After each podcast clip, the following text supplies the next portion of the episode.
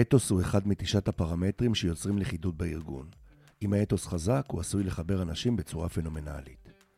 האתוס, בניגוד לחזון הארגוני, איננו מכוון לארגון, הוא מכוון החוצה. לדוגמה, חזון של ארגון יכול להיות למשל להיות הארגון המוביל בתחומו, או למכור את השירות או המוצר הארגוני בצורה נרחבת וכיוצא בזה. האתוס, לעומת זאת, מדבר על התרומה של הארגון לרמה כוללנית יותר, לשכונה, לעיר, למדינה, לאנושות, לסוג מסוים של נזקקות, לכדור הארץ ועוד. ניקח לעצמנו שתי דקות כדי לבחון את האתוס של הארגון המכונה מדינת ישראל. איפה נמצא אותו? מגילת העצמאות לא מכילה אתוס. היא מכילה חזון קונקרטי לארגון החדש שקם. למרות שהטקסט הושפע בבסיסו מהכרזת העצמאות של ארצות הברית, הוא מצומצם ומקומי הרבה יותר, ולא עוסק באנושות או בבני האדם אלא בטריטוריה מובחנת שהיא בית ללאום ספציפי. אבל לא צריך להתאמץ כדי לחפש אתוס לישראל. אפשר למצוא אותו כתוב בחמישה כרכים הנקראים חזון ודרך, אותם השלים דוד בן גוריון בשנות החמישים. ניתן להסתמך על בן גוריון בנוגע לאתוס בגלל ההשפעה הרחבה שהייתה לו על דמותה הראשונית של המדינה. הוא היה ראש הממשלה הראשון, עם נוכחות דומיננטית בשמונה ממשלות, מקים צה"ל, ראש הסוכנות היהודית, מזכיר ההסתדרות הפועלים הראשון, שר ביטחון לאורך שנים, מקים הכור בדימונה ועוד. בן גוריון, שהיה שומר מצוות בילדותו ולמד תורה בחדר עד גיל 14 לפחות, תפס מדינת ישראל ככלי ברעיון הגאולה של העם היהודי. מבחינתו, העם היהודי יש לו תפקיד בעולם, והדרך היחידה שלו לשמור על קיומו בעבר ובעתיד הוא כעם סגולה. כדי שעם סגולה יוכל לממש את עצמו, לממש את עצמו, הוא צריך, מלבד הכוחות הפנימיים האנושיים והרצון ההיסטורי, גם טריטוריה במסגרת ממלכתית. ואני מצטט, עם סגולה ייתכן רק במדינה למופת. כהערת אגב, זוהי תפיסה שניתן לכנותה משיחית, לא במובן הפשטני של דמות משיחית, אלא בתפיסה אוניברסלית שרואה את העולם כפעולה המרכזית של הבריאה, ואת העם היהודי כבעל תפקיד שקיים עבור העולם ולא עבור עצמו.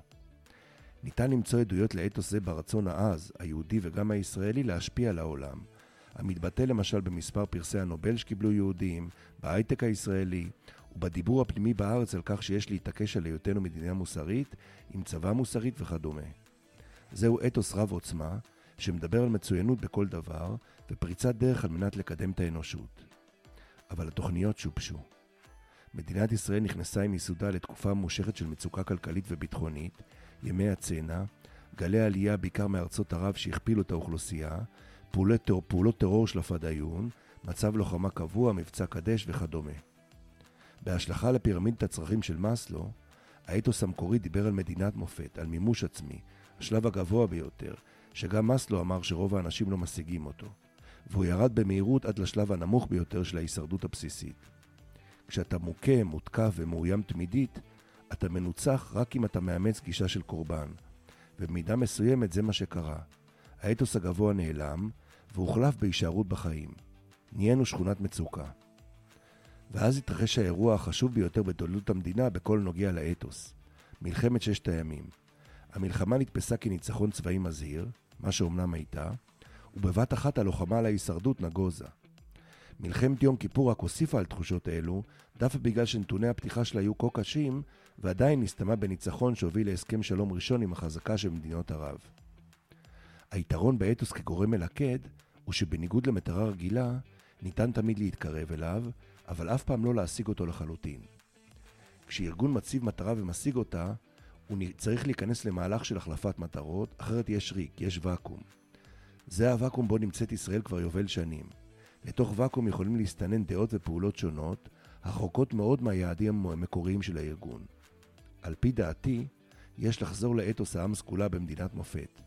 מניסיוני במחקר של הדור הצעיר, לא פגשתי ערך טוב יותר ממצוינות להניע אדם או ארגון. תחשבו על ילד חסר מוטיבציה שנכשל במבחנים בצורה קבועה. אתה אומר לו, בוא נלמד כמו שצריך, אני מבטיח לך שלא תיכשל, תעבור, תקבל 60. זה לא כיף. מה כיף בלקבל 60? זה בדיוק הערך של הישרדות. לא להיכשל רק כדי להימנע מאי נעימות, לעלות כיתה, להישאר בבית הספר. אבל יש עוד דרך. בהנחה שילד מסוגל, אתה יכול לומר לו, בוא, בוא נעבוד זמן ארוך, ואתה תוכל לשאוף בכל פעם לציון 100. אתה יכול להיות במקום הזה. בוא ננסה לדמיין את זה לרגע. כל זאת כאמור, אם הצלחה במבחנים היא חשובה, אבל כאמור זה רק עבור הדוגמה. זה כבר משהו שווה להשקיע למענו, זה כבר מתגמל, שם אותך במקום אחר. עשינו פעם פרויקט כזה בחטיבת ביניים. ההנהלה סימנה לנו ילדים בשכבה מסוימת, ילדים שאתגרו את המערכת. ייסדנו פרויקט אנתרופולוגיה שנתי, מיתגנו אותו כמוצג יוקרתי ונחשק, והודענו שנעשה מבחן לכולם כדי להיכנס אליו.